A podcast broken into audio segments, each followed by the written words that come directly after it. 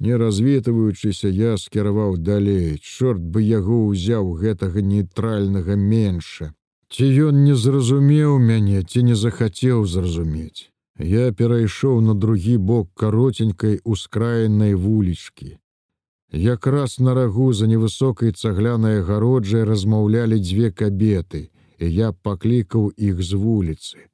Спярша да агароджы падышла старэйшая дзябёлая кабета ў фартуху, затым да яе асцярожліва наблізілася маладзейшая, худая і кашчавая у мужчынскім убранні і штанах.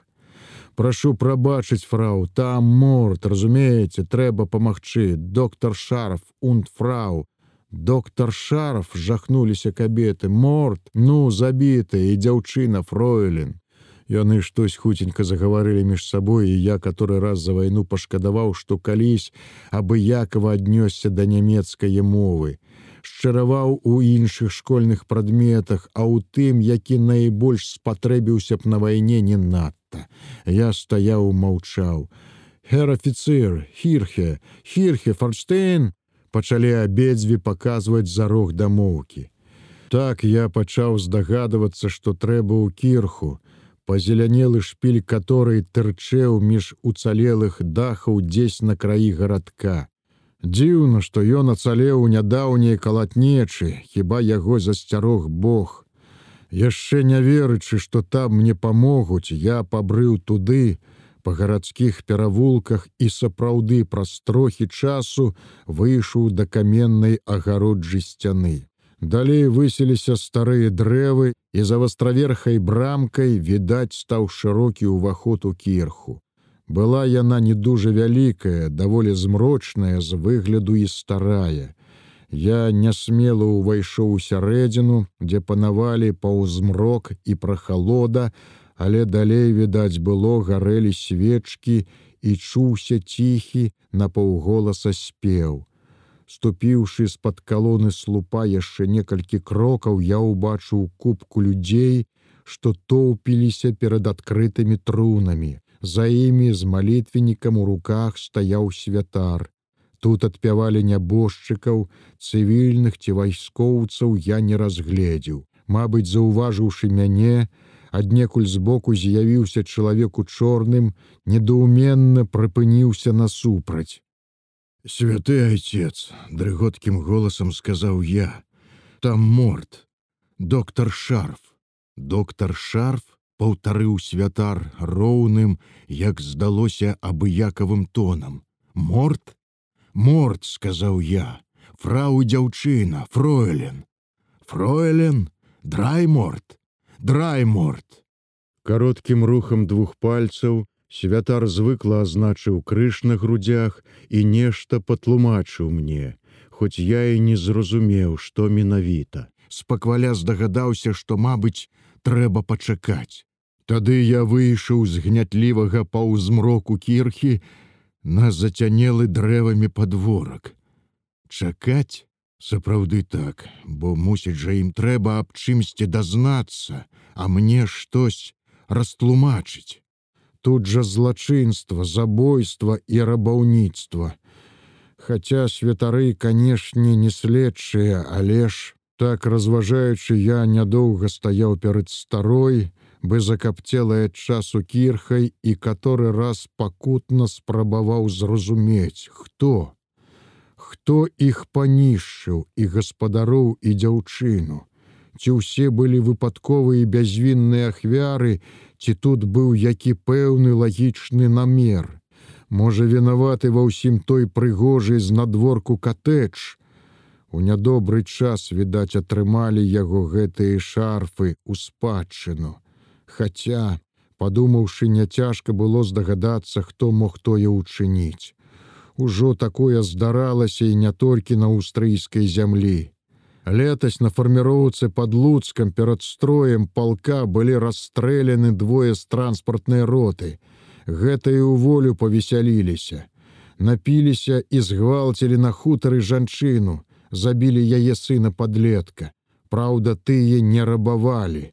Мабыць, не было што. Тут жа з'явіліся немалыя магчымасці і знайшліся такія, што не супраць пакарыстацца імі.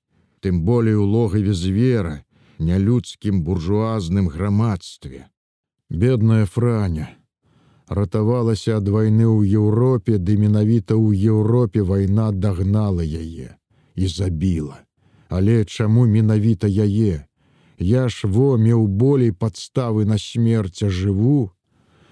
У кірху прайшлі яшчэ дзве кабеты ў чорных капелюшах, здзіўлена паўзіраліся ў мяне, мабыць, зусім недарэчную тут істоту. Я і сам весь час адчуваў сваю тут недарэчнасць, але я чакаў. На вялікую прыязнасць, вядома, разлічваць не даводзілася. Хоць яны не ведалі пэўна, хто ўчыніў разбою кватэры шарфа, але, мабыць, здагадываліся, а можа і падазравалі. Таму я чакаў тут ля кірхі калі ўжо чаканне маё гатова было скончыцца аднекуль з перавулка да брамы пад'ехала фура. Два біцюгі ледзьве варушачы тоўстымі як бёрны нагамі пакорліва спыніліся насупраць. З пляскатай фуры саскочыў чалавек з паголеным тварам і бярэтам на галаве. Убачыўшы мяне штось замычэў, замахаў рукамі і я здагадаўся, што гэта не мы з кірхі выйшаў той самы святар, які са мной ужо гутарыў. Он прывазіт весторбене, кірхе бенгрэбен, сказаў святар. Здаецца, я яго зразумеў і выйшаў з-пад аркі. Немко тым часам заляскаў раменнымі лейцамі, і мы рушылі па-над агароджай. Я ішоў наперадзе, фура ўвесь час адставала. Мусіць, я залішне спяшаўся, а магутныя біцюгі не маглі хутчэй. Усё ж мы дабрылі, даехалі да злашчаснага катэджа над рэчкай. Тут усё было як раней, калі я яго пакінуў. Мы з нямко спыніліся перад дзяўчынай, і я прыўзняў абрус. Згледзеўшы нежывую франю, Нямко загергетэў штось невыразнае, роспачнае, запляскаў аб сябе рукамі, выказваючы тым сваё гняўлівае пачуццё. Я свае пачуцці як мог таптаў на споддзе душы, паказваць ці перажываць іх я не меў ужо сілы. Удвух мы асцярожна паклалі дзяўчыну на абрус і трохі загарнуўшы, панеслі на фуру. Тут ужо я не мог стрымаць слёз і не пасароміўся нямога. У каторы раз я праклінаў усё на свеце і сябе ў тым ліку. Навошта было яе кідаць тут, трэба было учора забраць, дык пабаяўся, пасароміўся сваіх хлопцаў, камбата, смершаўца. Цяпер вось не саромлюся і не баюся нікога, але што карысці. За франіі гэткім жа шляхам на тым самым абрусе перанеслі ў фуру доўгае цела доктара шарфа і ягоную фрау. На шырокай фуры хапіла месца для ўсіх. Нямко накрыў абрусам нябожчыкаў і мы рушылі тым жа шляхам да кірхі. Нямко з лейцамі ішоў па адзін бок фуры, а я па другі.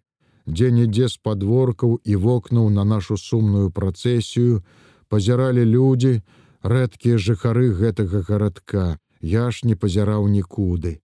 Брыў бы сляпы, не адчуваючы ні вуліцы, ні людзей, не перамогі.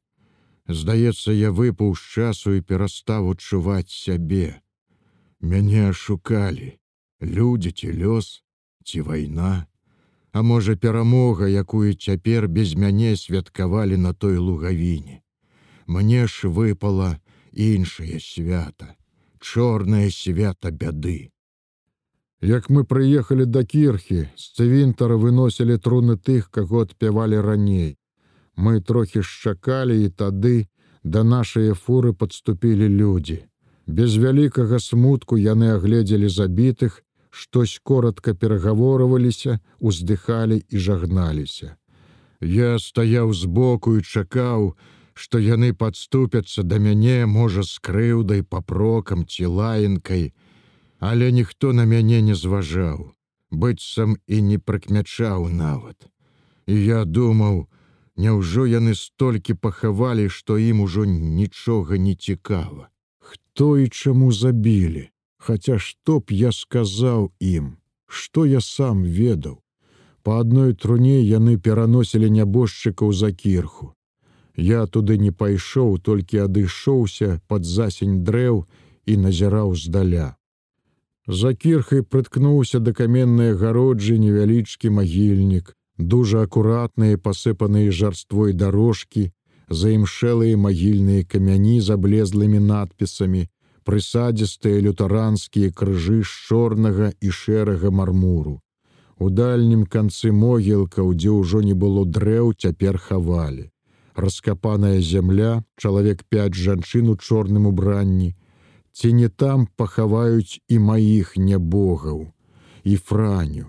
Я хацеў пайсці паглядзець тую мясціну, ды не адважыўся. Я мусіў быць паблізу ад уваходу ў кірху.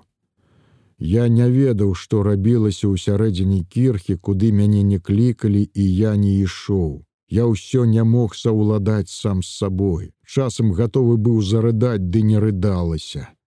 Здушыла штосьці ў горле, і не адпускала. Я хадзіў так па дарожцы ля кірхі ўзад і ўперад. Людзі, што заходзілі з вуліцы ці выходзілі з кірхі, не пераставалі са здзіўленнем пазіраць на мяне. Але ніхто не запытаўся нічога, быццам для іх усё было надта звычайнае. І тое, што тут хаваюць і што тырчыць ля кірхі савецкі афіцэр. А можа, у той іх няўвазе былі пэўныя адносіны, Я б не хацеў тое прызнаць, хоць і цалкам адмовіць, у іх таксама не было падставы. Зрэшты, людскія адносіны да мяне цяпер не дужа мяне цікавілі. Адзіная моя цікавасць была цяпер у царкве. Дзеля яе я тут і хадзіў, сюды і туды, туды і сюды. Я прыпамінаў начны аповед франі, нашыя з ёй размовы, а таксама словы, сказаныя небаракам доктарам шарфам. Тады я не пярэчыў ні наконт міру, ні наконт вайны. Усё ж вайна для нас вялікая школа, я шмат што спасціг на вайне, нават і ў яе апошнія дні. Найперш тое, што нічога не трэба баяцца. На вайне табе нічога не зробяць, апроч як заб'юць ці параняць. Тое і другое надто ўжо проста, амаль прымітыўна. Здаецца, аднак толькі пасля вайны з твайго жыцця могуць зрабіць пекла, калі не захочацца і жыць. Можа, праз гадзіну ці дзве мяне паклікалі, і я зразумеў, што набліжаецца самае важнае. Сунуўшы ў кішэню знятую з галавы пілотку, увайшоў паўзмрок кірхі. Там ужо чакалі мяне два святары. Худзенькая белатварая манашка ў чорнай хустцы была за перакладчыцу. Хай пан скажа, як былі змарлы людзі, звярнулася яна чамусьці па-польску. Святары ўважліва пазіралі на мяне. Я не бачыў, хрыпата адказаў я. Як прыехаў, яны ўжо былі мёртвыя, іх забілі. Хто іх зрабіў змарлымі, не ведаю. Какой мець канфесіі маладая паненка, Хто ведае, можа каталічка. Добжа сказала манашка і штось загаманіла да святароў па-нямецку. Тыя згодна паківалі галовамі. Болей яны нічога не запыталіся, Мабыць, тая справа для іх была ўжо звыклая. Яны падаліся да нябожчыкаў, і тады я зірнуў труну, што была на краі. Да падбародка, прыкрытая чымсь, Франя ляжала ціхенька, нібы жывая і толькі прыкідывалася мёртвай, прыкідывалася, аднак назаўжды. Копка людзей, што была ў кірсе, пачала адпяванне. Я не разумеў слоў, але ад шчымлівай мелодыі адразу пачало выварочваць душу. Дужа баяўся не стрымацца, баяўся заплакаць. Слёзы засцілалі зрок, і я ледзьве стрымліваў іх, каб не паплылі з вачэй. Дзіва, што навакол не плакаў ніхто, толькі спявалі, быццам у якім экстазе, і гукі ангельскага харалу самотна луналі пад цёмным скляпеннем кірхі. Можа, гэта было апошняе пахаванне вайны, спазнелае пахаванне. Злыя сілы вайны дабіралі свае ахвяры, быццам не ўсё дабралі за чатыры гады. Як пачалі зачыняць накрыўкамі труны, я памкнуўся бліжэй ды спазніўся, і франі больш не пабачыў. Чорная накраўка назаўжды схавала яе ад мяне. Людзі ўзяліся паднімаць струны, каб вынесці іх. Усё ж мужчын тут было няшмат. Труны выносілі па адной. Як паднялі труну з франяй, я таксама падставіў плячо. Труна была няцяжкая, хіба великаватая для маленькага цела дзяўчыны. Мабыць, таму, як ішоў, здалося, што яна там варушыцца. Але варушылася мусіць ад нашых нязладных крокаў. Мы абышлі кірху і жвіровай дорожкай патупалі ў самы канец могілак. Ля каменнай сцяны ў куце было ўжо накапана некалькі купін магіл, тых, каго тут пахавалі раней. З апошніх магіл узлятаў у гару жвір, то закончвалі сваю працу два далакопы. Адзін з іх быў той самы нямко ў сінім бярэце, з якім мы ездзілі па забітых. Франіну труну мы паставілі надол ля яе магілы, і мужчыны вярнуліся да кірхі за астатнімі трохі разважыўшы, я пайшоў з імі. Калі ўсе труны былі вынесены, святар з крыжам у руках сказаў сваю казань, усе захрысціліся. Я таксама перахрысціўся. Затым троечы перахрысціў труну франі. Далакопы на вяроўках хутка і спрытна апусцілі труну ў яму. Ну во і ўсё. Як апускалі астатніх, я ўжо не глядзеў. Я закопваў франю, гарную гарну рыдлёўкай на чорную накрыўку труны. Як яна схавалася пад жвірам, крыху перадыхнуў і пачаў сунуць жвір зноў, так да самога верху магілы. Зрэшты жвіру, на скрэбеннай побач змайстраваў кароценькі быць дзіцячы пагорачак якраз у рост франі. Заплаканая кабета ў чорным шаліку зводдаль моўчкі перахрысціла мяне. Што ж, Дякуй табе добрая аўстрыячка і пухам табе аўстрыйская зямля, мілая моя зямлячка. Ні з кім не развітаўшыся, я зморана пабрыў да брамы. Было не да развітанняў, не да падзяк не хацелася болей чуць нічыіх і ніякіх слоў, не нават бачыць людзей. Я чуўся спустошаным і знясіленным. Толькі адышоўшы па завулку ад кірхі, надзеў на галаву пілотку і азірнуўся.